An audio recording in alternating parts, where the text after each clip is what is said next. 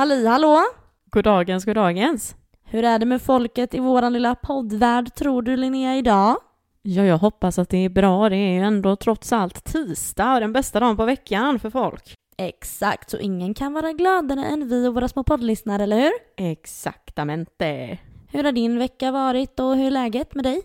Den har, eh, den har varit, eh, kan man helt ärligt säga att den har varit lite seg alltså. Det, men eh, annars är det bra med mig. Det var lite, lite roligt i morse när jag vaknade däremot för att det var liksom, eh, jag måste ha sovit jävligt, jävligt tungt för att jag ligger ju på, eh, ja men, jag vet inte fan vad man säger, men vänster sida i sängen och sover och håller mig till den sidan.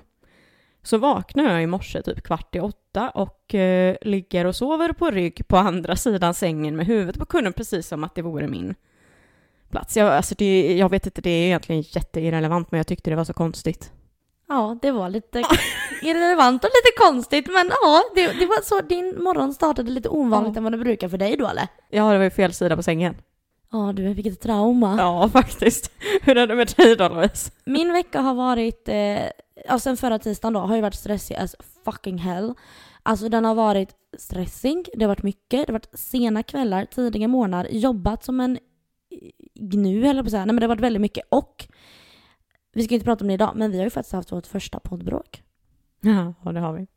Men det får vi ta ett annat avsnitt. Jag blev bara, vi skiter i det helt. Vi har lämnat det, vi har lämnat det bakom oss. Du, ja, du är ju lite konflikträdd Linnea. Nej, det vet jag inte om jag tyckte jag var. Jag sa ju rakt ut till henne, nu är jag inte glad, nu är jag arg. jag vet, men jag tror att det är ändå någonting vi kommer behöva prata om. Vi får la se. Men skitsamma, idag så undrar jag en liten sak till dig.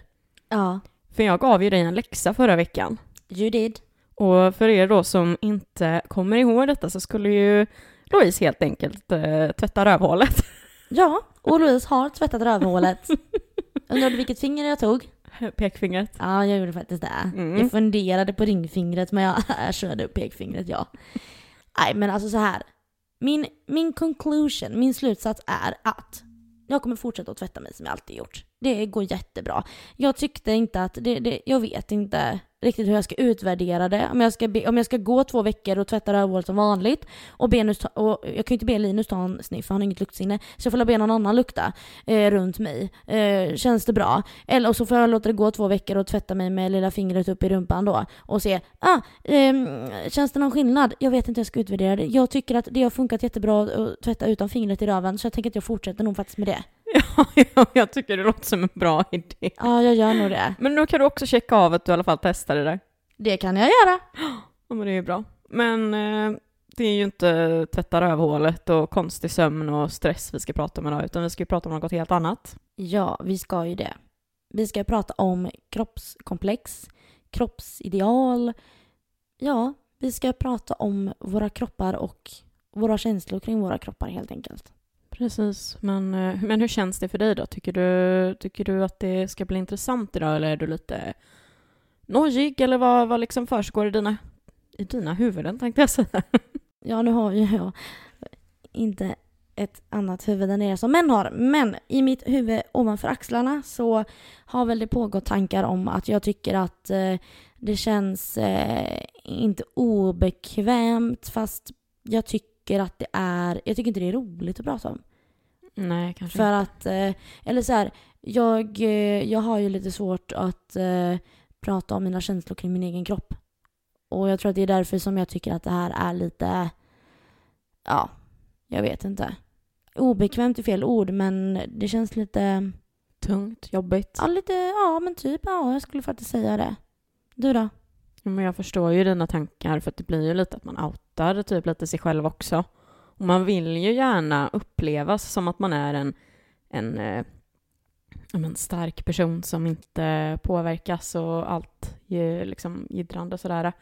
Men jag har ju konstigt nog sett fram emot det här avsnittet lite grann. Ja, du sa det. Ja, det, jag vet inte, det, och det är lite konstigt egentligen för det borde man ju typ egentligen inte göra men det känns som att det är ett så jäkla viktigt avsnitt också. Mm, Ja, det är ju det. Så Vad säger du, känner- ska vi dra igång det här viktiga avsnittet då? Ja, vi börjar. Vi kör. Nu är det ju så här att kroppsideal är ju någonting som är väldigt, eh, vad ska man säga, det är bestående i vår värld. Vi kommer inte undan det. Och kroppsidealen har ju kommit och gått genom årtiondena och århundraden och har egentligen, om man ska vara helt ärlig, funnits typ innan Kristus, om man går på sådana tidsperioder liksom. Så jag tänkte faktiskt att jag skulle dra igenom eh, de senaste hundra åren, hur kroppsidealen har sett ut. Så kan du Louise, om du känner att du har någon liten input, få eh, stoppa mig där då. Så att, låt oss gå igenom kvinnoidealen genom tiderna. Och alltså det, det, nu kommer alla förstå också hur jävla fucked up det är. Vi börjar då på 1910-talet. Då var idealet att man skulle ha en eh, timglasfigur med en extremt markant midja. För att få den här midjan så var du då tvungen att oftast bära ett, eh, eller bara en korsett som då också med största sannolikhet då inte var speciellt bra för kroppen i och med att kroppen är inte menat att tryckas ihop så. Sen då så hoppar vi över till 1920-talet. Då gick det från mängder med kurvor till att du skulle vara helt rak utan en endaste kurva. Midjan på kläderna då som eh, fanns för kvinnor, den hade helt plötsligt flyttats ner till höfterna för att man då inte skulle se ut som att man har lika mycket kurvor och egentligen bara vara rak. Och sen så eh, 1930-talet, då helt plötsligt så börjar den kurviga kroppen med slimmad midja komma tillbaks igen. Och du skulle ha ett mjukare och mer feminint utseende. Och sen började ju också det här med media, började ju också då ta emot lite fylligare kroppar igen i tidningar och så vidare. Sen så kommer vi till 1940-talet. Det här är ju också då på den tiden när, när andra världskriget också fortfarande var i full gång. Och då var ju mer att kvinnor skulle vara längre och ha mer fyrkant, alltså fyrkantiga kroppar som var idealet. Och då, typ som jag förstod det när jag läste på detta, så var det även väldigt vanligt att försöka framhäva sina bröstvårtor med alltså typ fillers. Oj, det har jag faktiskt aldrig hört. Det var lite skumt. Ja, alltså det, det är ju verkligen någonting som bara... Men med, med min slutsats som kommer komma sen så ska jag förklara vad jag tror om det. Sen på 1950-talet så var det liksom större höfter och byst och kurvor igen. Marilyn Monroe som då styrde 50-talet och tidigt 60-tal, eh, hon var ju liksom sexsymbolen. Man ville ju se ut som henne. Och det var också här det började experimenteras med bröstförstoring och viktökningspiller var också attraktivt då för de som var lite tunnare. Som kanske då var mer 20-talskroppen, låt säga. Och sen då så, kommer du ihåg då vad 50-talet hade för kropp? För nu kommer vi till 60-talet och då är det ju ännu en gång den här sjuka förändringen. För att nu ska du liksom, nu ska du vara supersmal, alltså vi snackar inte ens rak utan bara en pinne liksom. Och för vissa av er vet ju säkert också, Twiggy var ju en, eh, en väldigt känd, eh, liksom, jag vet inte om hon var skådespelare eller om hon var modell. Eller? Modell har jag för mig att hon var. Ja, ja, men hon i alla fall då var ju liksom det som var målet för kvinnor.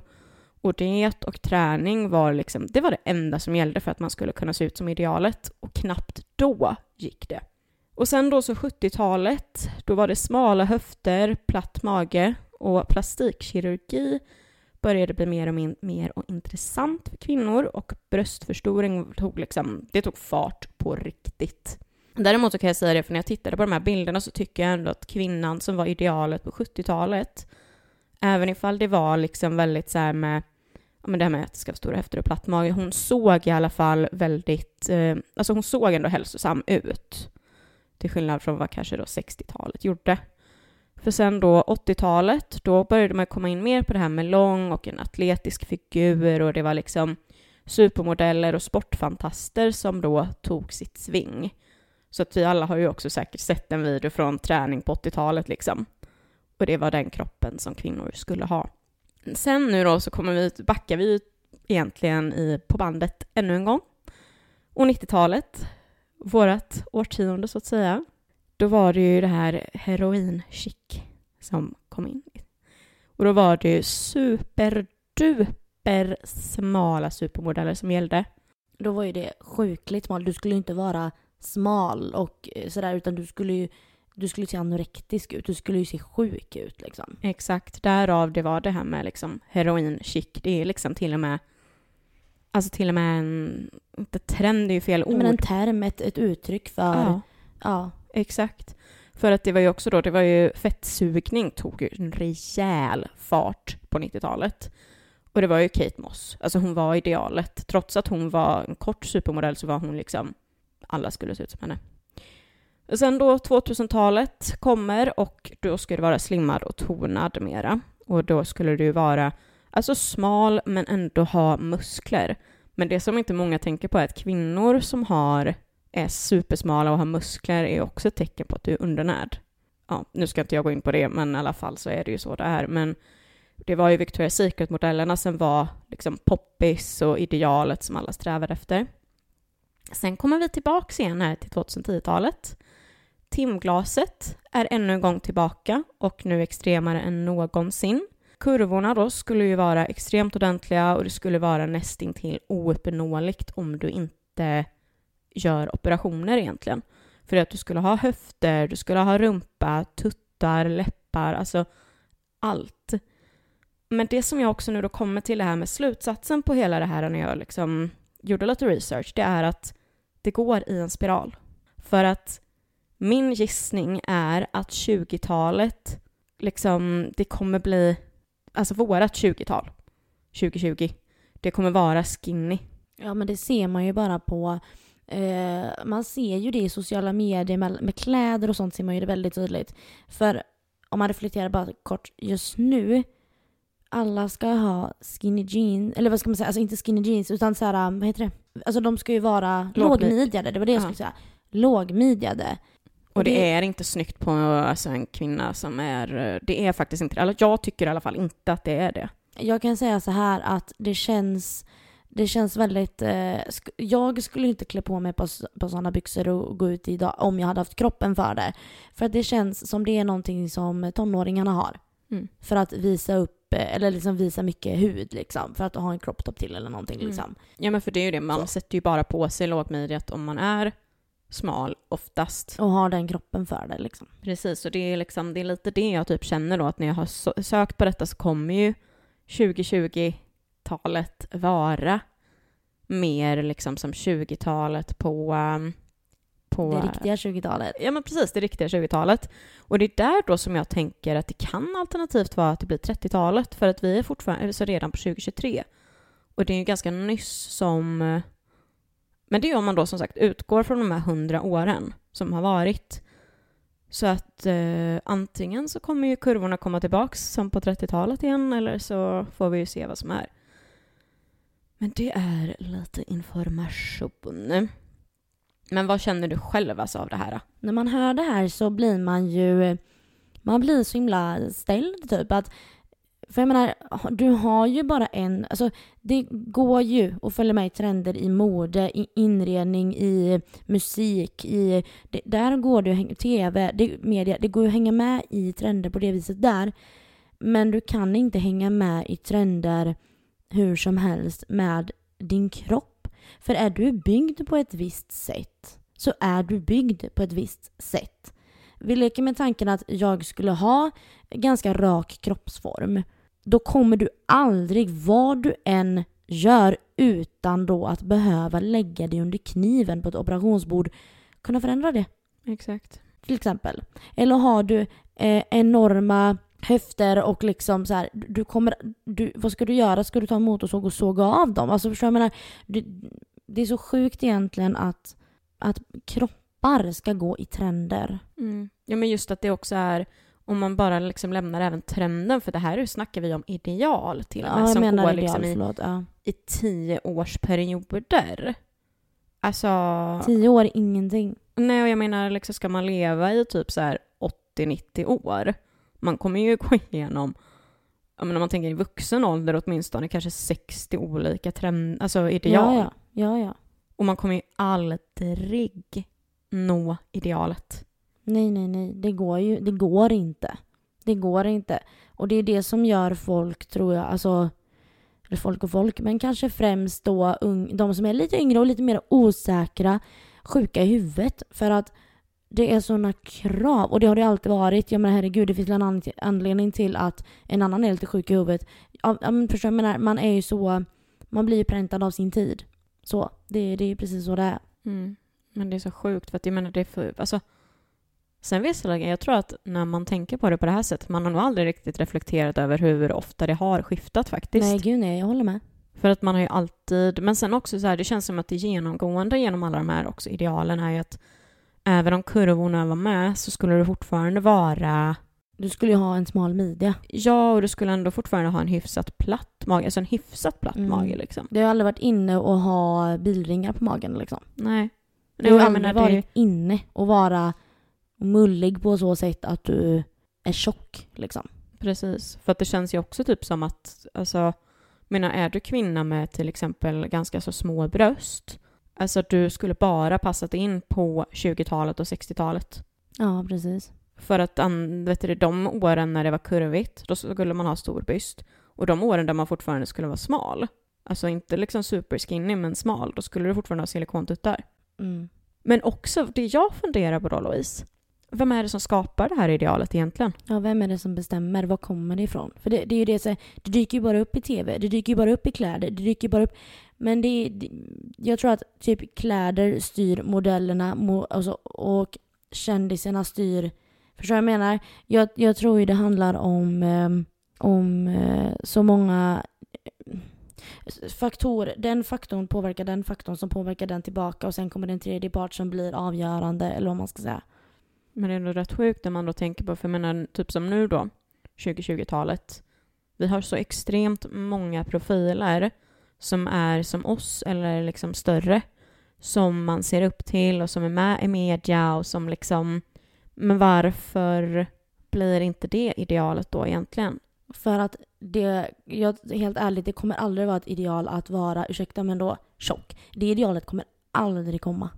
Jag är ledsen. Det, för att även när du, jag tänker så här, idealen genom åren, det har aldrig varit, det har varit av kurvor då. Vi säger, men kurvor är fint. Kurvor är positivt. Men att vara tjock kommer för evigt vara dåligt. Mm. I'm sorry to say, men det, det är vad jag tror. Det kommer aldrig vara... Någon kommer aldrig säga åh jag vill verkligen ha en tjock tjej. Jag vill verkligen att hon ska ha alltså, en rejäl bilring runt midjan. Mm, sant, för då säger de Jag vill ha egentligen kurvor. Ja, Mm. förstår du? Ja. Det kommer aldrig... Jag, jag tror verkligen inte det. Nej, men det är det som blir så intressant. För jag menar, är det det att vi själva mjölkar på idealet? 100 procent. Och hur gör vi då för att vi ska sluta? Alltså är det liksom, är det vårt egna fel? Vi är så styrda av media, vet du, Linnea, och kändisar. Alltså tyvärr. Jag tror att det. Och filmer. Alltså du vet, det, det är så mycket som påverkar detta. Men det, man, man har typ svårt att greppa det för det är så stort. Ja, det börjar bli som eh, att prata om rymden. Ja men typ. Ja, men alltså utan att liksom överdriva det, är typ nästan det. Mm. För man fattar inte riktigt hur... Men om man tänker så här också nu på det här som jag nämnde med Kate Moss där nu och heroinchic. Vad, vad, liksom, vad är din spontana tanke med det egentligen? För jag menar, Min det spontana känns... tanke är precis det jag sa. Det är sjukligt. Ja. För Ja, det, alltså, jag tror inte ens, jag tror inte att det, det där var eh, ett ideal på så sätt att åh, vad vackert det är, utan jag tror att det kom ur någonting annat. Att folk började få eh, liksom, ja, men ätstörningar eller någonting och att det liksom drog, att det helt plötsligt bara åh, det här har vi inte sett förut kanske. Mm. Och så blev det uppmärksammat och så drog det igång på något vis. Jag vet inte, men förlåt men det är ju ingen, ingen kan ju säga så här åh vad vacker du är som är skinn och ben Nej. och ser sjuk ut. Förlåt men är det vackert?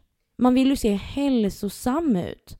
Och hälsosam, jag menar du kan vara hälsosam och väga ditten eller datten men nu kanske det här låter jättesjukt men förlåt men jag tycker, jag tycker, nej, nej jag vet inte vad jag ska säga. Jag blir Men det bara är, så här, det är ju din så åsikt och du är berättigad till din åsikt. Det är ju inte det att någon... Du säger ju inte att någon är värd mindre, det är bara att du säger att det är inte vackert. Liksom. Nej men det är inte det. Så det är ju det det handlar om att det blir. Men det är det som är så sjukt, för jag vet att det var, jag hörde någon, någon pratade ju om det här i media, om att just den här idealet om heroinchick skulle vara på väg tillbaks. Och det är det som gör att jag blir så här, oj, oj, aj. Men det är det jag tänker med alla de här lågmidjade midjade byxorna och allting. Är det en start på någonting värre? Är det en start på någonting värre som is yet to come liksom? Ja, man vet aldrig.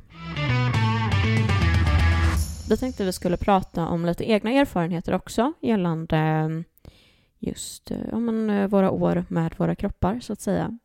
Så att eh, Louise, vill du ta mikrofonen och eh, berätta om din barndom från ja, 0 till 13 år? Ja, det kan jag göra. Så här, nu när jag ser tillbaka på det så har jag reflekterat över att det jag kan komma ihåg då, det är liksom att jag kunde få påpekningar om min näsa när jag var liten. Alltså liten, liten. Eh, och det var ju då att jag hade en potatisnäsa, att eh, grisnäsa liksom. För att jag har en skidbacke näsa, liksom. Det är ett litet hopp på slutet.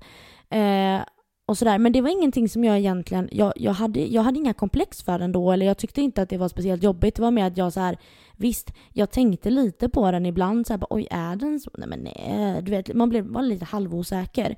Men det var ingenting som jag någonsin tänkte att åh, jag måste operera min näsa eller usch, min näsa är ett problem. Utan det var mer så här, åh, de retar mig för min näsa liksom. Men sen var det ju också så här att man jämförde ju sig direkt när man blev medveten om att det fanns andra människor än en själv, så, i alla fall för min del, så började man jämföra sig med sina kompisar. Så fort man fick kompisar så började man jämföra sig med dem. I alla fall jag. Och jag kommer ihåg så väl när eh, jag började, i alla fall i förskoleklass, att eh, det var främst jag och tre, eh, en, två, tre, tre tjejer till som var inte lika smala som de andra. Och när jag säger det så menar jag att de här andra tjejerna då ansåg jag var smala. Så skulle vi andra, vi andra tre också se ut. Problemet är ju nu i vuxen ålder när jag tänker tillbaka på det. Det handlar ju inte om att jag tillsammans med de här andra tjejerna då som jag då ansåg att vi var tjocka. Vi var normalviktiga. Vi var normallånga, normalviktiga, vi var inte ens mulliga. Vi var normal. Vi hade liksom normalt, alltså, normalt, eller vad man ska säga, vad nu som det är normalt. Men jag tror att de flesta förstår vad jag menar. Det var de andra tjejerna som, var, som såg undernärda ut. Förstår jag de var ju så smala så att jag menar herregud, i deras handleder. Jag menar, hade man, satt, hade man råkat knuffa någon så bara hade de ju gått av liksom. Eh, sådär. Och jag tror att det är just det, att så, här, så fort alltså att vara lite för smal är bättre än att vara lite för tjock eller lite för stor. Och det, det föddes ju redan där i barndomen då. Det är väl det jag kan komma ihåg från den tiden. Egentligen. För att under hela min barndom så var jag, jag var inte mullig, jag var inte tjock, jag var inte så. Jag var perfectly fine liksom. Du var ett barn. Mm. Mm. Jag tycker ju din näsa är jättesöt. Ja, alltså, ja, vi, kom, vi kommer till det sen. Men mm. hur, hur såg du på din, eller om när du tittar tillbaka på din barndom och komplex och så? Alltså grejen är ju den att jag är, känner ju att jag växte ju upp de första åren i en väldigt trygg miljö. För att grejen är ju den att jag har alltid varit lite större, alltså redan som barn. Grejen var ju typ den att jag menar jag föddes som en fågelunge har mamma och pappa alltid sagt och sen så började jag äta mat och blev en korv. jag menar så det var bara några vecka liksom så att grejen är ju den att jag har ju alltid eh, varit, alltså jag har väl alltid haft lite en god mage kanske man skulle säga. Typ så här, inte det att jag var tjock, men att jag, jag var inte smal. Typ så snarare. Ja, jag fattar. Eh, så att typ så här, jag menar man hade ju lår och en god dubbelhaka och alltså grejen var ju den att jag, mina bröst började ju växa väldigt tidigt också. Alltså så att jag kom in i puberteten så tidigt. Vilket också innebar att min kropp Alltså den utvecklades så sjukt mycket snabbare än vad tjejerna i min klass, alltså kroppar gjorde. För att, alltså, låt säga att jag började utvecklas när jag var kanske tio medan de kanske gjorde det sen på högstadiet typ. Men det var också fortfarande att jag växte ju fortfarande upp i den här trygga miljön för att en av mina absolut bästa vänner som jag hade från kanske när jag var fyra till tolv år ungefär, hon var ju också lite större. Men så var det för mig med. Mm. Så att vi behövde ju aldrig tävla med varandra kroppsmässigt. Men man såg ju ändå folk, eller ens kompisar runt omkring. Mm. I alla fall för min egen del. Ja, alltså jag gjorde ju inte det på det sättet faktiskt. För att jag, grejen var den att lite så här, vi hade alltid, för att jag har, alltså en av mina absolut äldsta vänner som jag liksom fortfarande är vän med än idag. Och vi liksom lärde känna varandra från det att jag föddes. Hon har ju alltid istället varit den som har varit lite smalare. Så jag har ju alltid ändå haft en vän väldigt nära som är tvärt emot mig. Så att jag, när jag växte upp tyckte jag typ inte att det blev att jag jämförde mig på det sättet. Men alltså självklart, det var väldigt många tjejer som var väldigt smala. Men jag, mådde- alltså jag mådde aldrig dåligt över det förrän jag kom in i tonåren. För att det var då killar blev problemet. Kan inte du eh, fortsätta då och berätta om tonåren för din egen del? Det kan jag göra. Jo, men sen då så, eh, för att det är som jag säger där, låg och mellanstadiet var ju en väldigt trygg plats där jag inte kände en lika stor press kring ja, men hur kroppen såg ut och, och sådär. Men det var ju sen på, på högstadiet som allting liksom började förändras för att det var då killar blev intressanta, man började bli lite mer liksom kär mer på riktigt i folk och intresserad och liksom sådär. Så att tonåren bar med sig så sjukt mycket kroppsångest för min del. För att alltså killar och andra tjejer och alltså så här började även också jämföra med, alltså det var så här folk började jämföra på ett annat sätt som inte hade gjorts innan. Och det var ju också här, alltså typ, eh, alltså på den här tiden använde man ju mycket, för vad blir det då när jag gick på högstadiet, det var ju typ 2008 till 2011 och det var ju då liksom de första mer ordentliga sociala medierna var.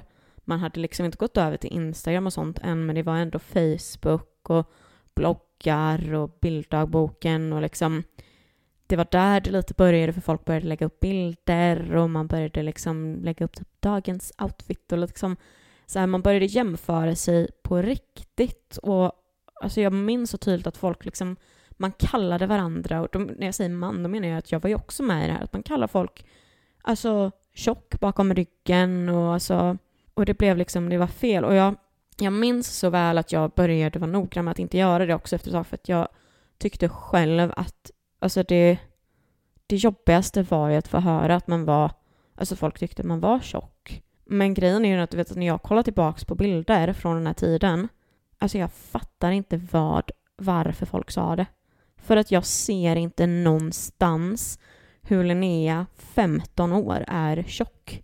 Och grejen är ju liksom så här att jag var absolut större än de andra tjejerna. För att de var ju smala. Alltså det är ju det som är grejen. Men jag tycker inte att jag var definitionen av tjock. Och jag, alltså, jag påverkades ju på det av det sättet av att alltså, mitt självförtroende sänktes ju till botten. Och det var liksom så här, jag började ju helt ärligt alltså överväga om det var att jag skulle liksom framkalla bulimi av sig själv. Eller alltså av mig liksom. För att det var liksom så här, jag älskade mat för mycket. Att inte äta. Och jag vet det, men jag var ändå så här, jag bara, men vadå, då finns ju den enda lösningen att jag går och spyr. Men jag gjorde ju det som tur var aldrig för att någonstans i mitt huvud så var jag faktiskt så pass, alltså om man får använda det ordet, ordet i det här fallet, och klarsynt att jag förstod att det var farligt om jag började med det. Men det var ju också så här, jag tycker typ ändå någonstans att det som är så sjukt i allt det här, trots att jag tyckte det var jobbigt och, och allt det här, så var det så här, jag skämdes aldrig över min kropp trots det. För jag gick i bikini utan några problem och jag försökte hålla liksom huvudet högt, även om allt jag ville var att bli smal. För det var ju allt, det var allt man ville liksom. Och sen då, om vi går liksom upp några år till, när jag blev lite äldre så, ja, alltså alla de här tankarna låg ju såklart kvar i huvudet. Och genom gymnasiet så var det fortfarande jobbigt. Och det var lite så här, storlekar på kläder kunde påverka mig för att kunde jag inte ha en M på något plagg och behövde ta L, då var det liksom så här, då blev det ångest för att, alltså då tänker man ju, aha, men nu är jag ju, då är jag ju tjock. Alltså, alla de här tankarna av att liksom hela tiden det där ordet var så jävla laddat. Men också så här samtidigt någonstans på vägen där för att alltså jag har ändå tränat i perioder, ätit bättre också och ändå har typ inte min kropp förändrats speciellt mycket de gångerna när jag väl liksom verkligen körde ordentligt. Så att det var ju typ så här, när jag väl kom underfund med det så liksom blev det så här, ja men det är bara så här det är. Och det, liksom, det tog ju mig jävligt lång tid för att det var typ så här 2018 det började släppa ordentligt liksom. Nej men någonting som jag ändå tänkte på som var innan då liksom typ, det här kan ha varit typ 2016 eller 2017. Så jag var väl typ 21-22 någonting. Och det var när jag eh, jobbade på ett ställe så fick jag ju en, eh, enligt eh, min kollega då, så var det ju definitivt en komplimang men jag tyckte ju att det var en en eh, kränkning in, alltså in, vad ska man säga, in, inpackad i paketpapper liksom. Nej men alltså det var en kränklimang deluxe för att då var det så här typ Åh, det är så coolt att du, att du har på dig vad du vill och, och faktiskt har kropptopp så högmidjade jeans och skiter i. Alltså förlåt, men ja, nej, men kan, vi kan ta den, eh, den lilla punkten sen, för jag vet att du har något liknande. Så att, eh, låt mig höra, hur var det för dig? Alltså jag ska säga till att börja med att jag har lite grann typ gråten i halsen för att inte av anledning att jag är ledsen utan för att jag blir så fruktansvärt på riktigt, alltså jag blir triggad. För att när man tänker tillbaka på hur det faktiskt var, hur hemska man var mot, mot varandra och hur jävla mycket, och att man förstår inte då hur och vad man säger kan påverka en för resten av någon annans liv.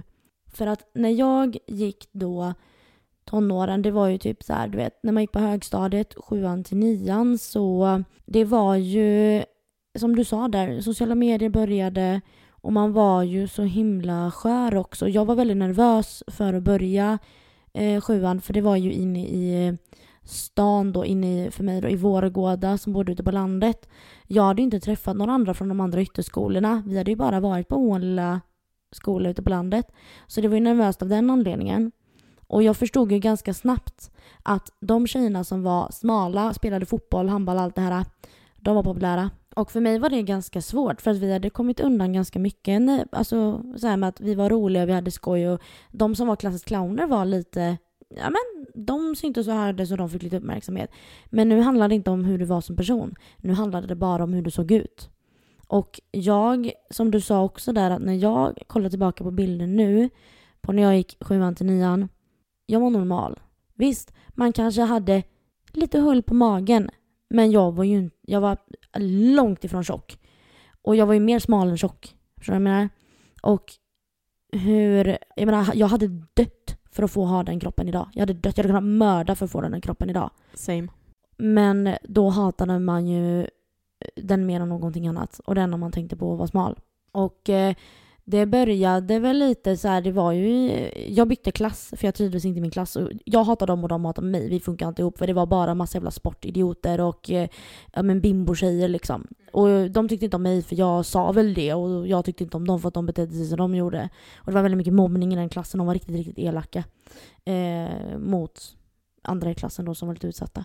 Och, så jag bytte klass. Och eh, då kunde det liksom komma i korridorerna från killarna så här Åh, du som bytte från en klass är äh, tjockis. och du vet sådana här grejer. Det var liksom, det, det var lite sådär, men det var ingenting som jag, som du också sa, jag brydde mig inte om det. Att man fick höra det där på samma sätt. För att man var ändå ganska tuff så. Men underneath så hade man ju ingen självkänsla. Eh, så. Men självförtroendet var på topp.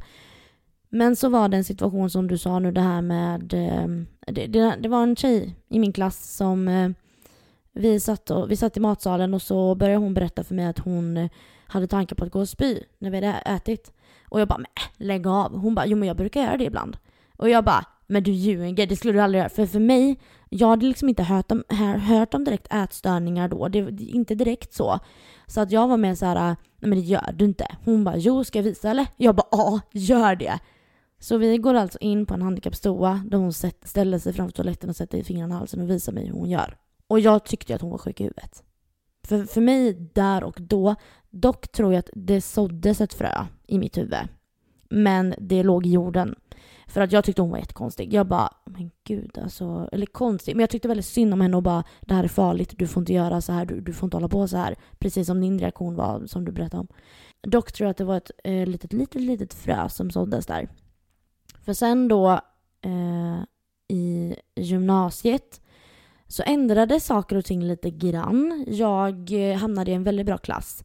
Och inte för att vara sån, men min egen uppfattning så var det väl eh, jag och några andra tjejer som ruled our class liksom. Och var, vi kunde, jag kunde vara jävligt kaxig mot folk för att jag hade ett sånt jävla självförtroende. Och där försvann lite det här att man sa till varandra att man var tjocka och sånt. Det var liksom inte det, det var mera, det var annat. Så att under gymnasiet så var det ändå inte att man tänkte på sin kropp kanske riktigt på samma sätt. Inte, inte i samma kaliber.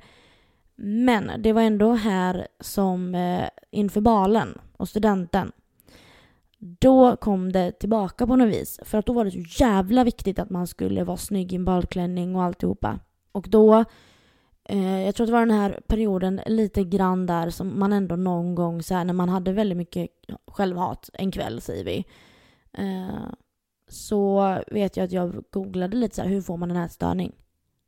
Eh, hur gör man? Hur är det, det är liksom så här eh, vad klassas som en ätstörning och lite så här. Inte för att jag någon gång hade provat någonting eller sådär men det var mer att jag var liksom lite så här: okej, okay, ja vad är det här då? För att gud vad skönt det vore att vara anorexic och slippa tänka på det här. Fy fan vad bra det hade varit. Det är så jävla sjukt. Mm, då hade det gått över till det att åh fan vad gött, alltså mm. en period liksom.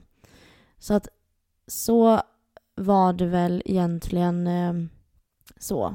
Det föddes ganska mycket saker och ting då under tonåren så att säga. Men kan vi gå tillbaka till det här med du sa, det du sa om kränklimang? Sure. Ja men det här med att det är för jävligt med att man får en, man tror att man får en komplimang eh, och så säger de ah men vad häftigt det är med att du har på dig en kropptopp och högmidjan i så skiter i. Du hade väl någon kontring till den va? Nej men alltså så här, för att när jag Eh, jag och Linus vi åkte på semester till Thailand 2017 eh, i september och då la jag ut eh, eh, bilder i bikini, du vet och sådär och eh, så.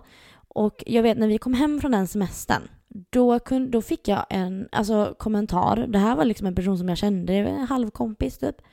Eh, och då, skrev, då sa hon så här till mig.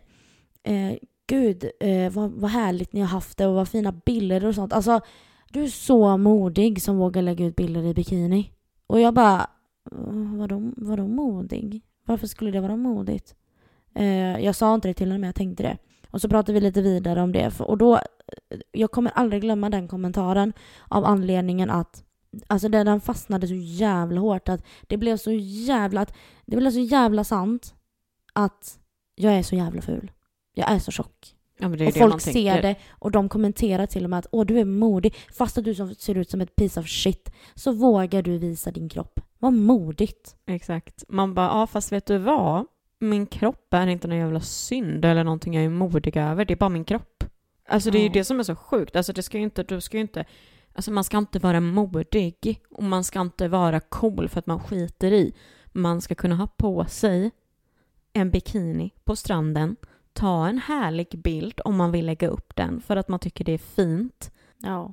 Och så ska inte folk använda sig av orden du som modig då, så då ska de i så fall säga fan vad, fan vad snygg du är, eller fan vad cool du är, eller fan vad bra du är, eller... Eller bara så här, gud vilken härlig dag du har på stranden. Ja. Fan vad snygg. Ja, för att så här, Punkt. Vadå modig? Nej. Alltså... Nej, nej men alltså det är fruktansvärt dåligt. Och sen i samma veva då när vi eh, var på den här semestern faktiskt så la jag upp en bild. Vi hade kommit till ett jättefint ställe och så la vi upp en bild där. Jag har en kroppad t-shirt på mig, står med ryggen mot kameran och har havet framför mig. Och så har jag på trosor på mig. Eh, det är inga stringtrosor, men de är liksom lite mera, visar lite mer stjärt liksom. Och då får jag en, alltså ett, ett DM på Instagram av en kille som har gått i min klass, sjuan till nian. Jag pratade typ aldrig med honom då. Jag tyckte inte om honom, han var konstig. Och sen, det här är alltså två, alltså ett år efter studenten. Vi, all, vi hade inte pratat med varandra överhuvudtaget. Typ sjuan till nian och absolut inte under gymnasiet. Så det är liksom, det är flera, det är flera år. Men gud just det, 2017 var ju ett år efter du, men Tog gud, mm. du var ju för fan med 20 år det året. Ja, och då fick jag en kommentar av den här gamla klasskompisen då, eller ja, på DM på Instagram. Då han eh, kommenterade den här bilden då. Eh, Nej, han kommenterade nog fan den nu när jag tänker efter. Han kommenterade den på bilden, så var det ja. Och skrev typ Fy fan vad tjock och ful du är. Nej men alltså skämtar du? Nej. Och det som hände då, för jag tyckte att den här bilden var snygg för en gångs skull. Och det var för att jag drog in magen så in i helvete och stod på ett visst sätt så att jag inte såg så jävlig ut enligt mig själv. Så jag var ändå lite nöjd med den här bilden även om jag postade som om livet hängde på det. Men då skrev jag väl något i stil till honom att eh, ja, du vet vad? Jag är fan hellre tjock och ful än att ha din äckliga jävla personlighet. Och då skrev han något tycke tillbaka varpå jag, jag vet inte, jag screenshotade det och eh, skickade till hans tjej. Och hans tjej var min gamla barndomskompis som jag också hade gått i skolan med. Så vi kände varandra väl. Eh, så sett, även om vi inte hängde speciellt mycket, men jag kunde med och skriva till henne liksom. Vilket jag då gjorde och jag har de screenshotsen eh, på min telefon. Jag vill höra. Då skickade jag till henne. Kan du be din kille att sluta skicka hatkommentarer till mig? Varpå hon svarar Ja, jag blev så arg. Förlåt, bry dig inte. Hjärta. Jag skäms. Punkt, punkt, punkt. Varpå jag svarar Du kan ju fråga honom av vilken anledning han skrev det och sen tar bort det. Sjukt omoget. Alltså jag vill inte skriva till dig för du kan ju inte stå för vad han gör egentligen. Alltså så här. Varpå hon skriver Ja men han är sån... Punkt, punkt, punkt. Förstår inte heller. Han kan typ skrika babbet till andra, haha, när han själv är. Nej, men jag skulle sagt till han. Jag bara, sorry. Skulle inte skrivit till dig. Men hälsa honom att söka hjälp eller liknande för man kan inte må bra om man håller på så. Stackars kille. Varpå hon svarar, haha, jag ska göra det. Ber om ursäkt hjärta. Han ber om ursäkt, utropstecken, utropstecken, kommer en stund senare. Varpå jag svarar, han kan köra upp någonting. Ha det bra och hoppas han är snäll mot dig i alla fall och behandlar dig bättre än han tydligen behandlar andra eh, tjejer. Varpå hon svarar, ja det, kan, eh, ja det kan han göra. Dum är han. Hoppas ni har det bra i Thailand. Eh, varpå jag svarar att vi har det jättebra. Men jag ska ta och, nej så här svarar jag. Vi har det jättebra och kommer förmodligen att visa min feta rumpa någon mer gång så han kan ju hålla utkik. Nej, men vi har det bra. Hoppas ni har det bra. Ha det gött. Hej. Jag blir så provocerad. Ja. Alltså jag blir lite provocerad av den här tjejen också för att Ja, gud. grejen är den att Alltså uppenbarligen så tyckte väl hon att det var pinsamt och jobbigt och det blev ju nästan lite halvt konfrontation för hennes del också men hålla på haha, bry dig inte, ingen Hon fara, försökte ju liksom dum. släta över det med att haha, det var Ja. inte så farligt liksom. Ja, alltså är det inte bättre då att hon hade bara, ja men ja det, jag fattar inte hur han kunde göra det. Tänk, alltså bry dig inte om det han säger för att det stämmer inte. Ehm, jag ska prata med honom, ha en bra dag. Alltså det är liksom så här.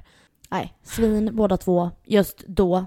Ursäkta mig, jag tycker det också. Liksom så här. Skulle Linus skriva det till någon tjej? Jag blir lite förbannad. Nej men alltså jag hade ju ifrågasatt vem fan han är. Ja, för jag menar, Och vem fan vill vara ihop med en sån person? Ja förlåt men han- nej men faktiskt, alltså vad fan, nej. Jag tycker det är så sjukt hur man kan, eh, alltså ta sig, typ, alltså, hur man kan med, hur har man mage? Ja men vem Varför har man behov av att säga så? Vad var det som var kul med det? Ja. Vi var vuxna då också dessutom. Men du Alltså- förresten, på tal om det. Eh, jag vet inte om du har sett det, men för er som inte, er som inte följer våran TikTok så kan ni ju göra det. Men jag såg ju ibland att vi hade fått en kommentar som var filtrerad på en video när vi käkade glass. Okej. Då tyckte ju det var, då var det någon kille som har skrivit ja, ni kanske borde äta mer buffé.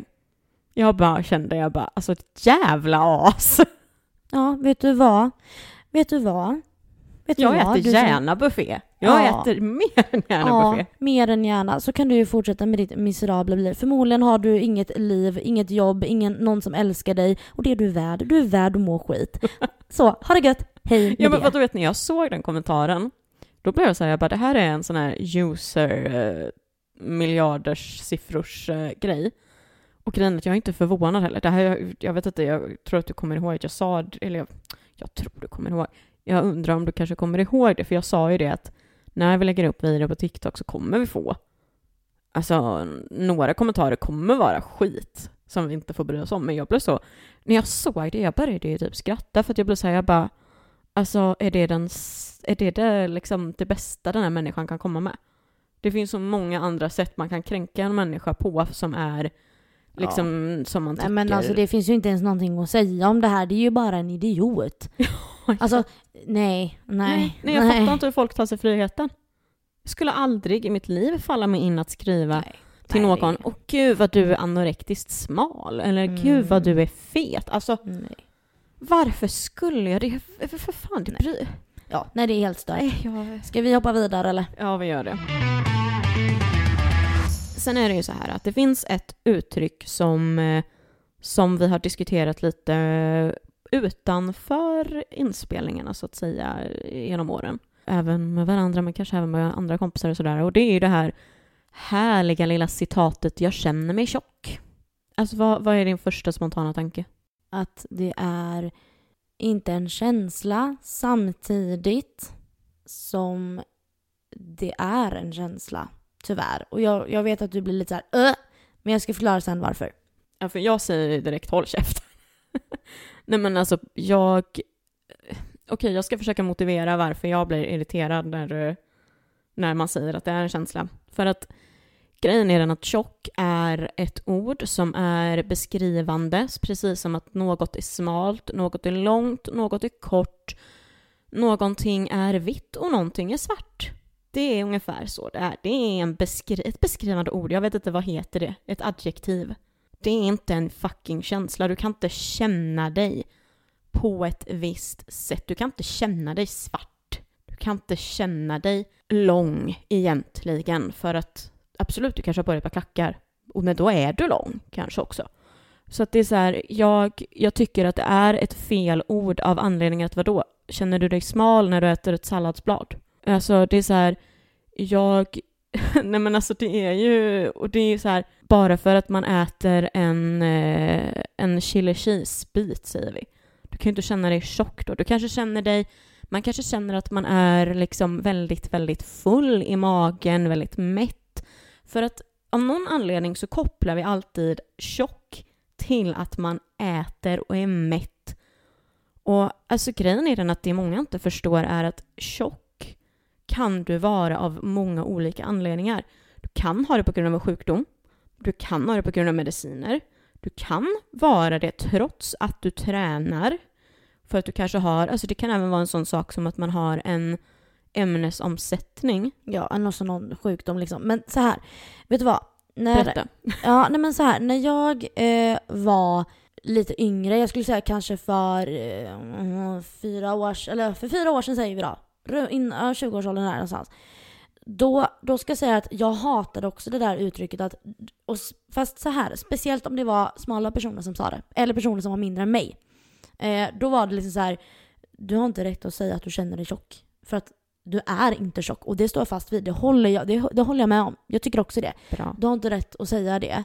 Eh, samtidigt, så här. Om du är lite ätstörd eller om du har en skev relation till din kropp och mat så kan det vara så att du går ner i vikt och eh, du är så inne i din skeva bild av din kropp att du inser inte att du faktiskt är smal utan du känner dig fortfarande tjock. Så, att, så det jag vill säga med det här är att jag håller med dig. Men är inte det kroppsdysformi någonting sånt Skitsamma. där? Och då är det ju en sjukdom. Ja, men oavsett om det är det eller inte, förstår du vad jag menar? Nej, jag tycker inte att det är okej att säga att man känner sig tjock om man är smal. Eh, eller liksom eh, uppenbarligen, väger du 40 kilo och säger gud jag känner mig så fet. Håll käften. Mm. Det är fel. Det är, det är, nej. Det är fruktansvärt, det är kränkande och det är jävligt. Det är inte okej. Men jag kan också förstå varför uttrycket finns. För att, säg att du trycker i dig en pizza, en chippåse och ett paket glass jag tror att de flesta personerna kommer säga gud jag känner mig så tjock.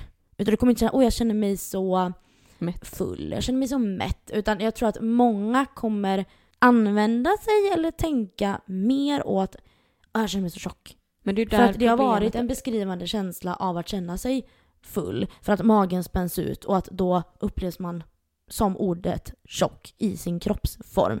Och förstå, fattar du vad jag menar? Ja, jag För jag håller fortfarande med dig här. Men jag kanske är lite mera, jag kanske kan se det ur en annan vinkel.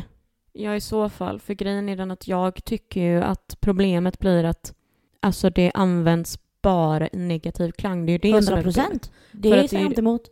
Ja, för det är ju det som är själva grejen, att ordet tjock är ett så jävla negativt laddat ord.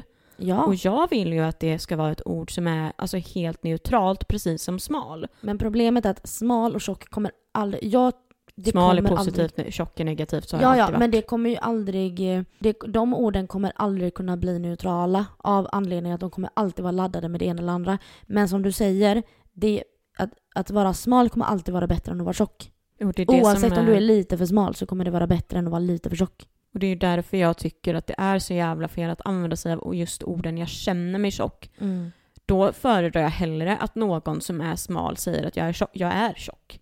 För ja, fast då, då ljuger du ju också. Du är också Jo, men det, då, då handlar det om att då tror ju personen själv att den är tjock. Men då är vi tillbaka, säger då, är du man, sjuk, då är du ju sjuk. Då har du en skev uppfattning Ja, men säger då. man jag känner mig tjock, då är det ju att de säger det som en negativ sak för stunden. Ja. Åh, Och det- jag känner mig så tjock efter att ha suttit och ätit en hel Ben Jerry. Ja, ja men gud, det är... Alltså, Ja men jag håller med Ja. dig. Jag är med dig här Linnea. Det är fel, det är inte okej. Men samtidigt så kan jag förstå det. Men det är inte bra. nej men det har ju blivit så neutraliserat så jag tror att det är därför det är väldigt många som inte fattar varför man inte ska säga det och jag tror det är därför många som du också kanske känner att jag förstår det till viss del. Alltså typ att det är det. Ja, Att det har blivit så extremt neutraliserat.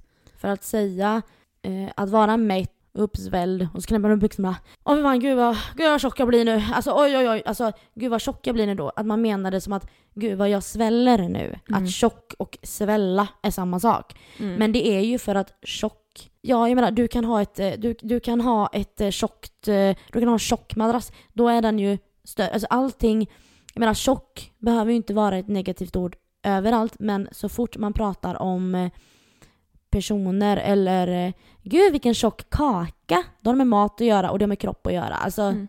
Men det är ju typ så här, det, det är så sjukt alltihopa det här Linnea, egentligen när man sitter och Ja. pratar om det så här. Det är fan helt makalöst egentligen. ja men för det är ju som jag tänker typ bara på den här grejen av att, för att jag, jag skulle ju klassas som tjock. Eh, för så är det. Och eh, grejen är den att jag är ju okej med det. Det är det som är själva grejen. Jag har ju liksom lite såhär, ja absolut, jag, jag tillhör de tjocka, det är helt okej. Det är bara ett beskrivande ord av hur jag ser ut. Men grejen är att problemet är också det att säger man det till fel person, då börjar ju den andra bara nej, nej, alltså nej, du är inte tjock, nej, sluta. Och man bara, men hallå, Fast jag tycker att det har lugnat sig om jag ska vara helt ärlig. det kan du väl visserligen Håller du kanske med ha gjort. om det? Eller tycker du, för att jag upplever att det var mycket mer så förr. Men det är för att man inte säger orden lika ofta längre. Nej men jag menar, om, en, om jag står i provrummet och bara Fy fan alltså jag känner mig, ja jag kan ju säga det för att jag är tjock men gud jag känner mig så himla tjock i den här. Ser du det bara väller ut på sidorna. Mm. Men om jag hade provat en annan tröja då kanske jag sagt Nej men nu, nu kände jag mig inte lika stor i den här, kände jag mig Mm. inte lika tjock i den här. Jag, jag får ju Mm. lov att säga så. Ja men där, där är det lite mer Det befogat annan- för det handlar om att man är det själv. Ja, men det är en annan sak. Men eh, vad var det jag skulle säga med det då? Eh, ja, nu tappar jag det helt fullständigt här. Men, eh, Att det är färre personer som säger det. Ja, det är färre personer som säger det. För då blir det så här, ja alltså nej, jag håller med dig, den satt inte bra där. Istället för att, nej men alltså du är inte tjock, men alltså ta, eh, du vet, Mm. alltså nej jag tycker inte att jag hör, eller jag tycker inte att det är så relevant Mm. längre om jag ska vara helt ärlig. Det var mycket, mycket mera så förr tycker jag. Mm. Men sen vet jag inte hur det är i den yngre åldern. Det är ju det. Alltså vi är ju vuxna människor. Och jag menar, jag vet att jag har ju pratat med kompisar om det här att säger jag de här orden så ska han inte säga någonting annat för att jag vet att jag är det själv och det blir bara för jag anser att är man personen som faktiskt säger nej, nej det är du inte, då är det precis som att men vadå, nu gör ju du det till en, do- då gör du det till en negativ ja, sak. Ja, exakt. För Men att- det ska jag säga det också att det finns gånger, och det här handlar väl kanske om man känner personen eller inte. Men jag var med om en situation då jag, eh, eh, jag var på en fest och så med kompisar och lite nya människor. Var på en eh, kompis till mig då, jag, jag säger någonting till honom typ så här. Eh, ja men tycker du att eh, jag var snygg rätt? Någonting med mitt utseende. Ja men tyckte du att jag var snygg nu ikväll? Liksom så här. Gud jag, så jag fan vilken, alltså jag är så nice, jag är så himla glad över min outfit. Mm, du vet så här. Vad på den här personen säger som var en kille. Säger någonting i stil med att ja, jag hade ju legat med dig om du hade varit smalare eller någonting. Ungefär att så här, eh, ja du är jättesöt och allting men eh, hade du eh, gått ner lite i vikt typ så hade det varit perfekt. Eller någonting. Eller, det, det var en sån kommentar. Men Och- jag, vi, jag, vet att, eh, jag vet ju vem det är. Mm. Vi har ju pratat om det här och jag Och grejen är att den här personen menar ingenting illa för att han fattar inte bättre. Och för att jag ibland kan skoja om min kropp när jag eh, har en bra period. Men ibland gör man det också som ett litet självförsvar för att det blir lättare. Eh, så. Men så att ibland så kanske man bara faktiskt får hänga med lite och liksom så här, speciellt om du vet personen, om du vet att personen mår dåligt över sin kropp eller någonting och säger gud jag känner mig så, så tjock eller så här, gud vad ful. Att man säger liksom så här nej men du är inte ful, du är jättevacker. Och, Precis. och man behöver inte ens kommentera att ja du kanske är lite mullig men det är okej. För att då blir det, det kan också bli triggande och det är det här som är så svårt att vad man än säger så kommer det trigga någon. Oavsett om det är positivt eller negativt och det, det är jättesvårt. Mm. Det är synd att det har blivit som det har blivit. Vi var ju lite inne och snurrade på det lite tidigare i avsnittet då med kroppsideal. Och nu går vi istället då över lite, för du, du nämnde ju det lite, lite luddigt där med kroppstrender. Och det är ju alltså sånt som egentligen då skiftar för jämnan egentligen, alltså det kan gå någon vecka i princip. Och det är ju också gärna då påverkat av eh, influencers och stora kändisar främst. Vad känner du för det? Nej, alltså det är, för, det, det är också sådana grejer som förstör och det, problemet är ju att det är så jävla lättillgängligt nu. Det är alla, alla barn har barn, för det första barn. Och sen tonåringen har en telefon i näven eller en platta. Eh, och har de det inte själva som en kompis och de går i skolan och alla ser allting. Eh, så att det förstör, jag tycker så här, det förstör våra barn tidigt. För att de är så exponerade så att det är helt jävla sinnessjukt. Nej, det är ju kropp, ja det är återigen bu, dåligt. Mm. What can I say? Alltså sociala medier har ju gått överstyr. Flickor som går i sjuan kan liksom köpa samma kläder eller samma toppar som jag klär mig när jag ska gå ut och liksom slyna på krogen. Förstår du vad jag menar? Japp. Ja. Sen finns ju också typ Linda-Marie som är en, eh, en större influencer då, eller vad man ska säga, som eh, promotar den typen av kropp att det är okej och sådär. Och det finns ju problem med det med. Men det är en annan, det, det är ju en annan aspekt då. Ja, men precis. Alltså det finns ju, det finns ju gott och ont i det mesta egentligen. För att det är ju som, alltså det som du nämner med det här med kläderna specifikt. Alltså, det blir ju jävligt skevt liksom när man går in på typ Gina Tricot, ställer sig i kön, ska köpa en riktigt urringad liksom eh, Slynig topp. Exakt, tuttarna ute liksom. Och så står en tjej bakom en som kanske är 14 och håller i samma tröja. Då blir man så här, Exakt. Stopp i lagens namn. Du är minderårig. Gå och ta på dig en t-shirt. Ja, men alltså ja, alltså vissa kläder kan jag känna är... Nej men alltså snälla det blir rara. fel. Ja, så herregud. Eh, åh, kvinnor ska skiljas kroppar. Det är inte det vi säger. Men du ska inte gå på dig en glittrig partytopp i skolan som jag har på mig när jag går ut och dansar på krogen för att ragga. Exakt. Nej, det går inte. Det funkar inte så liksom. Nej, det blir lite konstigt. Det blir väldigt Uppe. konstigt. För att det blir, eh, ja, nej jag vet inte. Och sen det som du säger med det här med Linda-Marie och, och sådär. Det är ju, alltså det är ju bra att hon finns och tar kampen för, eh, 100 procent. ja, för att vi, alltså man behöver dem också. Men sen som du säger, det kan ju bli problematiskt också för att där blir det ju istället i sin tur, hon får ju så jävla mycket hat på så sätt av att hon försöker bara vara sig själv. Men folk tar det som att du promotar att, man, att det är okej att vara tjock, det är ohälsosamt. Eh, man ska inte vara okej med att vara stor för att det är inte bra för dig. Nej, men alltså så att det finns ju den aspekten också. Precis. Även om den är enligt mig lite orelevant för att det kommer alltid finnas stora människor. Mm. Och ska de då gå runt och hata varandra bara för att, det, för att andra tycker att det är ohälsosamt så då ska det inte vara okej att vara större. Ja, alltså jag fattar Skärp inte. er. För det, hon var ju den som fick det här eh, bada i vassen. Alltså jag kommer ihåg det här så väl och jag tycker det är så sjukt för att det återigen, varför tar man sig friheten att kommentera en Nej, annan människas nej, kropp? Alltså det, ju, det spelar väl för fan ingen roll om din granne väger 100 kilo eller- om den väger 50 kilo. Det spelar, väl- alltså det spelar väl för fan Vad påverkar det ditt jävla liv? Ja, Exakt. Så ge fan och kommentera det bara. Ja, exakt. Och det är ju det som också så här är att, alltså går man just tillbaka till det här med kroppstrenderna, så är det ju typ så här, för det är ju sociala medierna egentligen som påverkar det mesta av allt. Men alltså jag hatar specifikt kroppstrender. Jag kan köpa det här med kroppsideal, för att absolut, idealen är alltså en sån sak som ändå pågår en lång period. Det, är liksom, det blir historia av det hela och la la la, det är inte bra men det är fortfarande en annan Det är inte grej. så skiftande, det är inte så förändligt så snabbt. Nej, Det är blir inte lika skadligt direkt eller vad man ska säga. Precis, det är tio års perioder om inte mer. Men när vi kommer till kroppstrender, alltså det här är ju sånt som seriöst skiftar, alltså, ja, men det kan gå en månad eller typ liksom, och det är så här, trender generellt är ju sånt som stannar väldigt kort tid. Alltså jag menar, typ, nu har Louise fuckat upp här på en sak så att nu vet jag inte var jag var så att eh, nu fortsätter vi i alla fall med en lista. Nej men i alla fall då så tänkte vi då dra igenom en till liten lista som jag har fixat i ordning här med trender från de senaste tiderna. För att alltså helt seriöst, man hänger ju knappt med längre i vad det är som gäller. Man hinner ju glömma bort dem lika snabbt som de kommer vissa. Ungefär så. Så till att börja med nu då så börjar vi med, vi går egentligen lite bakåt i tiden nu kan man säga. Så att Kim Kardashian, behöver jag säga mer? Nej, jag tror att alla vet vad du kommer komma till. Ja, för att hennes kropp har ju delvis tillhör ju hon egentligen idealkroppen på 10-talet. Men eh, hon är ju också trenden nästintill kan man ju säga. För det tar ju oss vidare till eh, BBL, Brazilian Butt Lift. Och för de som inte vet vad det är Louise, kan du berätta det? Det, det är ju ett ingrepp man gör i rumpan för att, för att få den större. Man lägger, tänk en bröstoperation fast i rumpan. Bara att du tar fett från din egna kropp. Som är livsfarligt, helt Exakt. ärligt. För det här är ju alltså en, eh, en operation som tillhör, alltså det är den farligaste, det farligaste ingreppet du kan göra.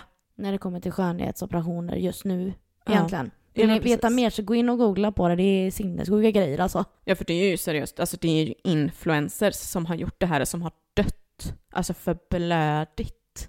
Det är helt jävla sjukt. Och att folk då fortfarande, alltså det här är ju en trend som influencers matar på vidare och som då dessutom, alltså vissa ger ju ut rabattkoder och utan att ehm, Egentligen veta hur omfattande illa det kan bli liksom. Ja men exakt, för absolut you do you som vill göra det, men alltså det är viktigt också att man har koll på riskerna.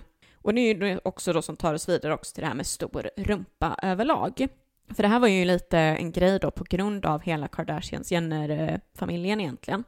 För att hela de, alltså alla de, man hade bara, det hade räckt att jag sa typ dem egentligen, men när det inte var BBL som gällde för folk så var det ju att de tränade rumpan något så jävla extremt istället. Vilket också är så här, alltså det är ju skitmånga så här eh, nästintill typ fake PTs på nätet som liksom har gjort rövprogram. Som att åh, om du gör det här så kommer du få en jättestor rumpa och så är det liksom redigerade bilder typ. Alltså det är, nej, det är helt jävla galet. Sen nu så hoppar vi över till Thigh Gap. Det lilla lårgapet som alla skulle ha mellan sina ben runt... Eh, ja men det var en stor trend typ runt 2013 ungefär. Men där vill jag ge en shout-out. För att thigh gap har aldrig varit en grej som jag har brytt mig om. Men det var en influencer, eh, youtuber, Kela. Hon fick en kommentar om det här på sin eh, YouTube-kanal för att hon inte hade thigh gap. Och då sa hon så här. Ja, men vet du hur praktiskt det är att inte ha ett thigh gap? Jag menar, vart ska jag? Tänk alla de som står i duschen och vill sätta duschstången eller duschslangen mellan låren för att de, medan de kommer ner kroppen. De som har thigh gap, de kan inte göra det. Om jag står och fryser ute på eh, gatan, då kan jag stoppa mina händer mellan mina lår. Stackars de människorna som har thigh gap. Vilket jobbigt liv de måste ha. Alltså hon gjorde det, hon vände på det och det var så jävla bra. Men det är ändå bra att ändå liksom på något sätt få lite med det med sig själv.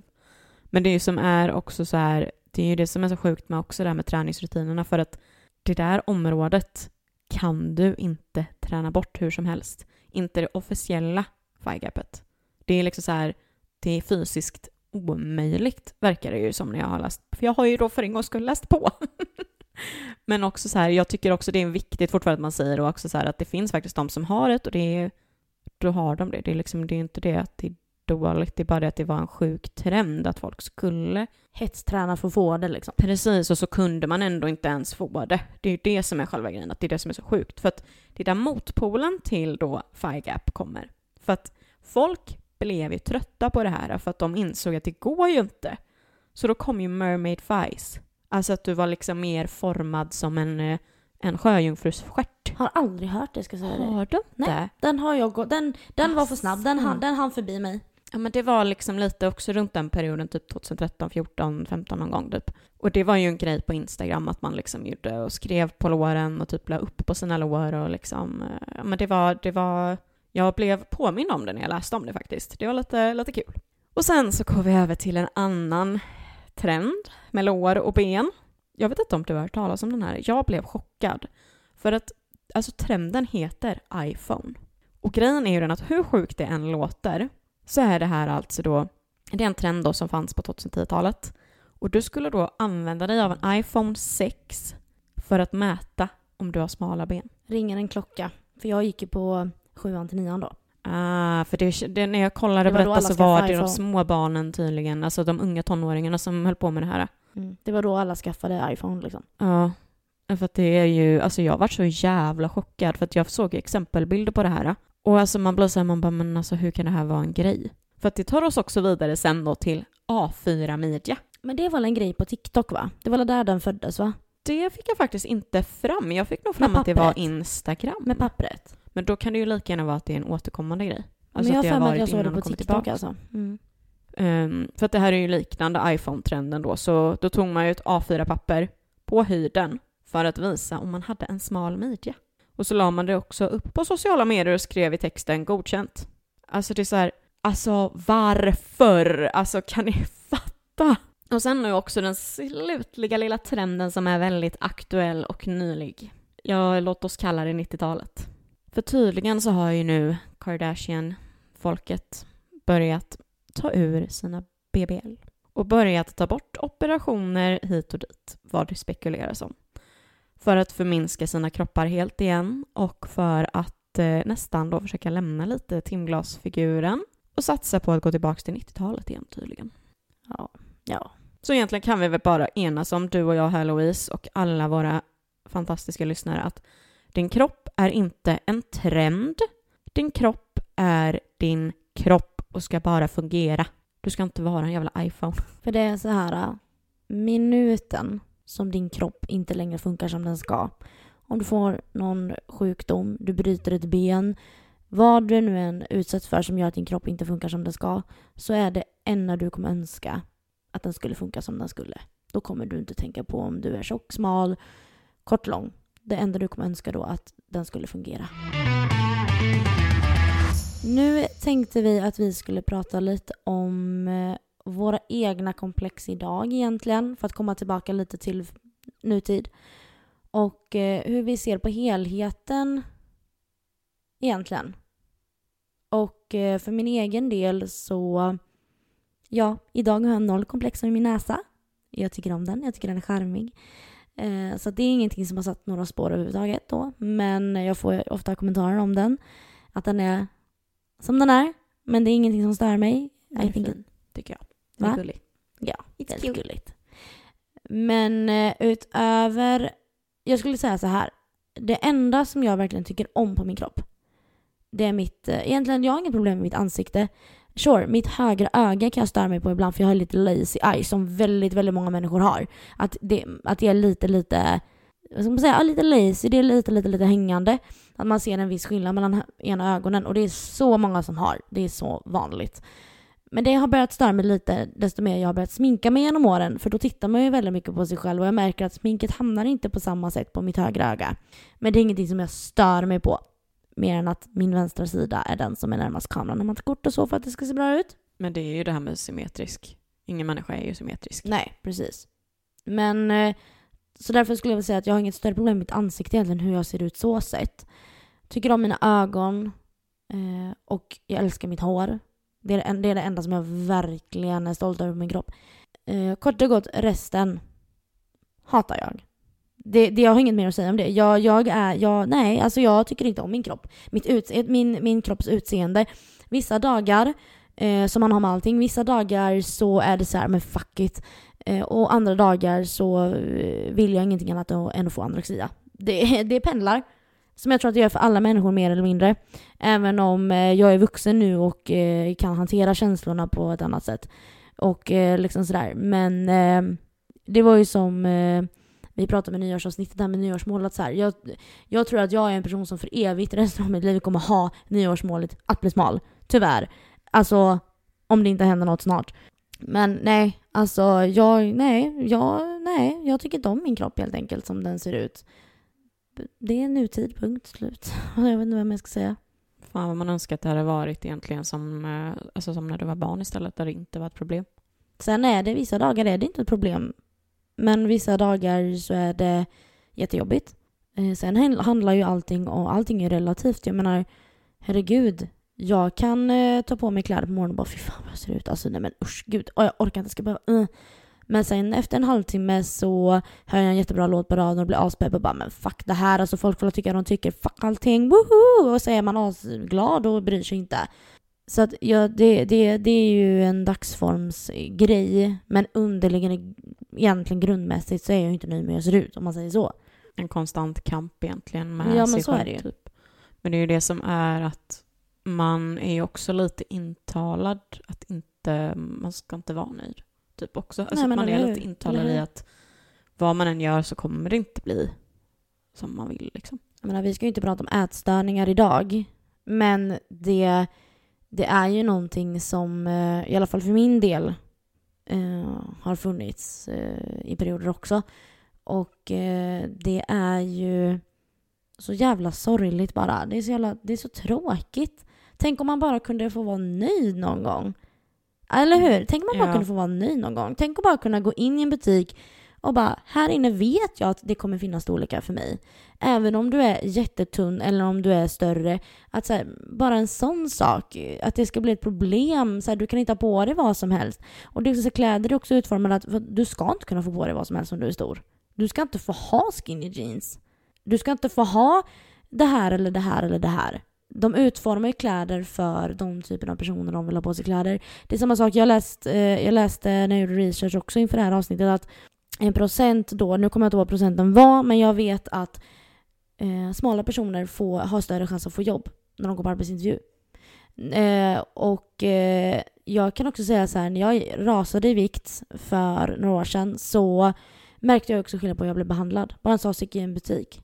Man, Mm. man mär, då märkte man sån stor skillnad att nu när jag är smal så blir jag bemött på ett mycket trevligare sätt. Det är exakt så det är. Det är det många, många som, eh, som eh, liksom gått med i liknande, alltså varit med om liknande sådana situationer, de säger ju det att de märker en extrem skillnad och det är då de får sån här body dysphoria eller vad fan det heter. Men tänk att gå runt och liksom vara osäker. Tänk att du ska på en arbetsintervju och bara behöva vara orolig för att de ska titta på och bara men henne vill inte, hon är inte hälsosam, hon sköter inte om sig själv, men usch ska hon jobba här? Förstår du vad jag menar? mm, det är helt sjukt. Mm, det, Det är helt, helt sinnessjukt. sjukt. Så det är Kan fan man inte konstigt att folk har ångest, blir deprimerade och eh, går ner sig.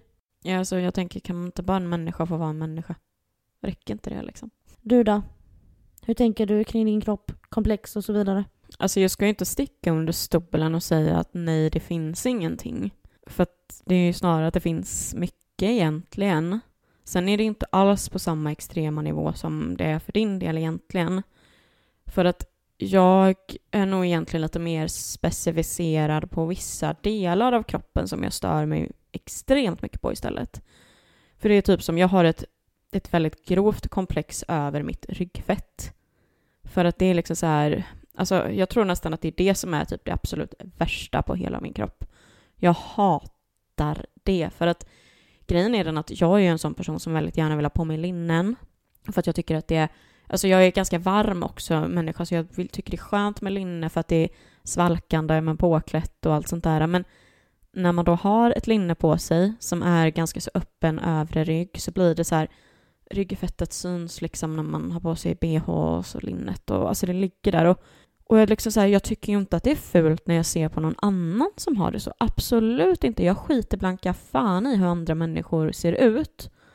Men när jag tittar på mig själv så stör jag ju sönder mig på det.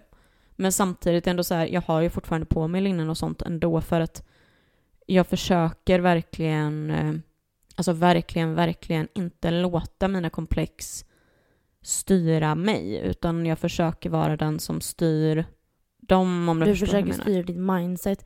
Och det är det som skiljer den på dig och mig. Mm. För att när du säger de här sakerna så blir jag så typ glad för din skull att vad skönt att du kan störa dig på en sak och det är det som är problemet. Mm. Även om det är pissjobbigt. Men du, du har ändå på dig linnen. Du väljer ändå att köra på det. Medan jag, säger att jag får på mig plagg men jag bara nej men jag är så tjock, jag är så tjock i det här, jag kan inte på mig. Då kan jag få istället panik och bara nej men av, av med det bara, bara Mm. av med det. För att då är det liksom hela kroppen i en helhet. Exakt. Så att jag tycker ändå så här vad, vad, vad mo, eller modigt eller på så här, men inte modigt, men vad coolt av dig att liksom känna att ja, men så här, jag, jag vill styra mitt eget man, mindset oavsett, alltså så här, att du kör på det. ja, men jag tror Och att du också... klarar det. Alltså att det inte har Ja. tagit över din att inte ha tagit över ditt mindset liksom, utan att, ja men nej, jag vill ha på mig det här så jag har på mig det. Ja, men det är ändå lite det jag känner att jag vill ju kunna det. Men samtidigt så här, alltså det finns ju dagar som jag hatar att ha på mig linne också och bara sätter på mig någonting som jag alltid sätter på mig istället för att jag tycker att det är så jobbigt liksom. Så det är ju inte det att, det är bara det att för mig kanske det är att majoriteten av dagarna så vinner jag och, alltså, och minoriteten av dagarna så vinner komplexet typ. Precis. Men sen är det ju också så här, alltså det är mycket som jag hade väldigt problem med förr som jag också lite har försökt alltså, tycka om idag istället. Eller alltså liksom, ja men i alla fall vara okej med för att så här, jag vet att jag har en ganska så god mage eller vad man ska säga. Men jag försöker ändå någonstans istället liksom bara okej, det är inte det jag tycker är värst så försök jag trycka bort det helt istället. Alltså typ att jag försökt att fokusera alltså mitt, liksom det jag mår dåligt över till en kroppsdel istället. Exakt, och det tror jag är en, ändå, om man nu ska, då, då är det väl ändå en bättre strategi än att hata flera delar på sin kropp. Om man Ja. kan fokusera det, okej det här kan jag ändå leva med, ja okej det kanske inte är det, jag kanske Mm. inte trivs jättebra i det men det, jag kan ändå hantera det här.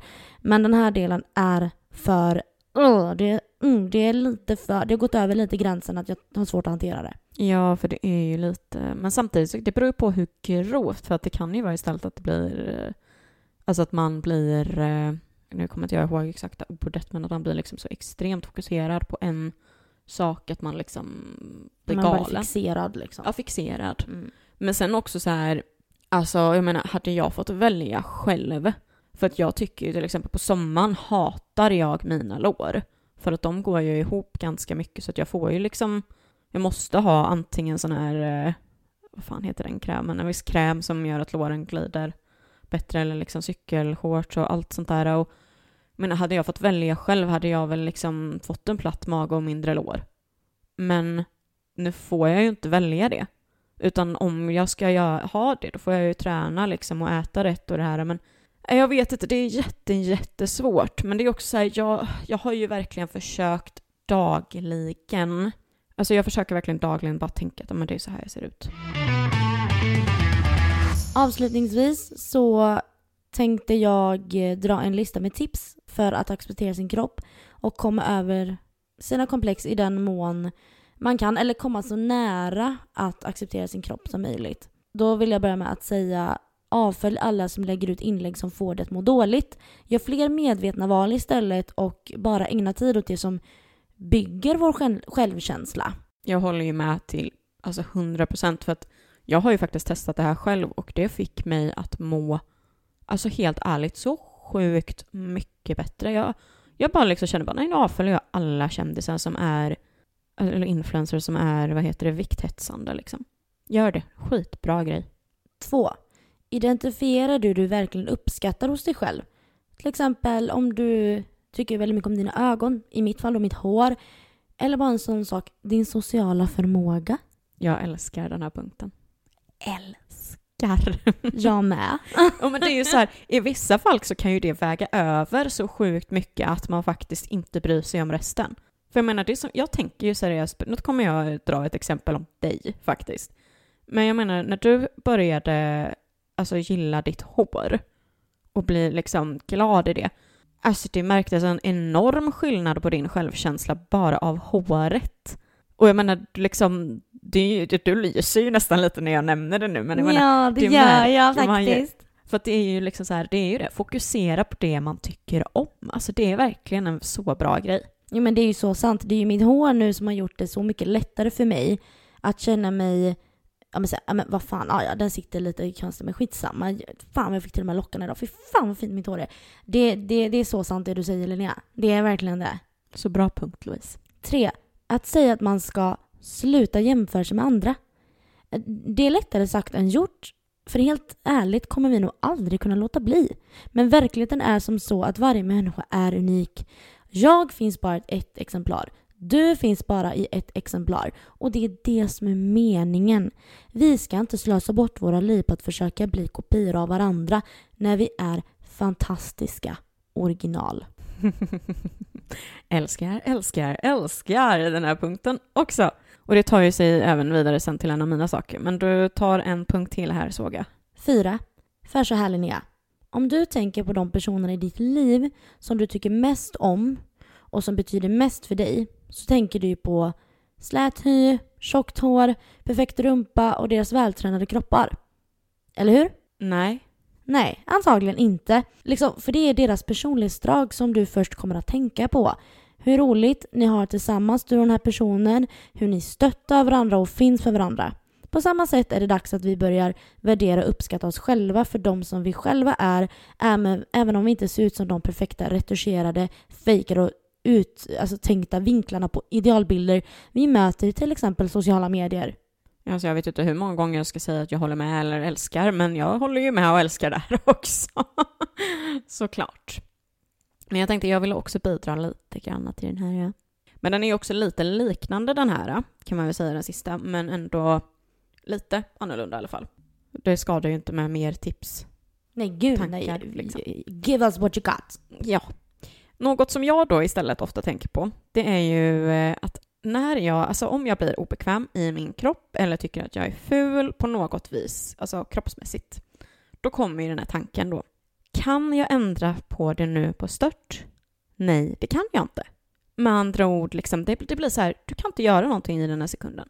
Och då menar jag ju inte alltså att man måste ändra på någonting, det är inte det, utan snarare att situationen är ju som den är. Det är, en akut, det är ett akut tankesätt där och då när man känner så. Precis, för att du kan inte förändra nuet. Och, och så här, är jag då extra svullen en dag och tycker att nej, nu ser jag ju tjockare ut än vanligt, eller bara det att det är jobbigt generellt, då försöker jag också tänka att jag kan liksom, det går inte.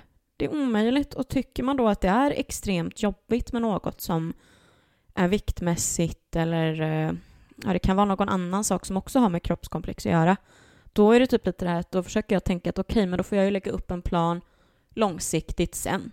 Men jag behöver inte göra det nu i den här sekunden när jag ska sätta på mig en fet jävla snygg ass klänning och gå ut med mina vänner. Exakt, exakt det här tipset är så bra. För att jag brukar använda mig av det också faktiskt. Och eh, det är så bra för att mm, man måste fokusera. Även om, även om man känner så jävla mycket självhat i den här stunden. Man står där, man har klädångest. För det brukar jag ju skoja även om jag menar det. Men man, jag brukar ju skriva till jaha, nu ska jag bara ha klädångest i två timmar innan jag kommer. Så chilla lite. När man står där och river i garderoben och man känner sig bara det är ingenting som sitter bra. Då är det så här, okej. Okay, men ta på dig det du vet att du alltid brukar trivas i.